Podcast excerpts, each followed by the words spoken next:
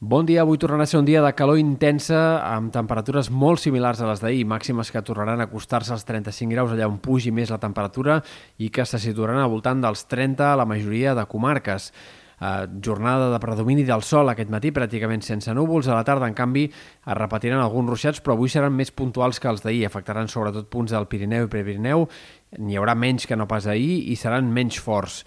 Demà, en canvi, sí que tornarà a rebrotar la inestabilitat. Esperarem un altre cop tempestes en moltes comarques del Pirineu, del Prepirineu, de la Catalunya central, també segurament en comarques de Ponent, als ports, i no és descartable que alguns ruixats arribin també a comarques prelitorals, punts de la Selva, del Vallès, fins i tot altres sectors de les comarques de Girona. Per tant, una jornada de divendres que s'espera més moguda, probablement la més moguda de tota la setmana, encara que sigui només en forma de ruixats curts durant la tarda.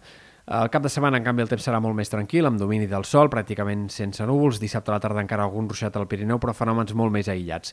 Del cap de setmana el que hem de destacar sobretot és que la calor serà encara més forta. Arriba una primera calorada important que marcarà sobretot el diumenge, dilluns i dimarts, amb un ascens dels termòmetres que serà d'entre 2 i 5 graus respecte als valors d'ahir o d'avui. Per tant, màximes per sobre dels 35 graus ja de forma generalitzada a Ponent, a les Terres de l'Ebre i també per sobre d'aquest valor a la Catalunya central i en comarques prelitorals, sobretot a les de Girona. Calor intensa eh, que durarà, sembla, això sí, només 3 dies, perquè el més probable de cara a la setmana vinent és que arribi una massa d'aire més fresc a partir de mitjans de setmana que escombri aquesta calorada i que ens torni a temperatures normals o potser fins i tot fresques per l'època. Això caldrà anar-ho concretant, però sembla bastant probable que hi hagi aquest canvi de temps a mitjans de la setmana que ve.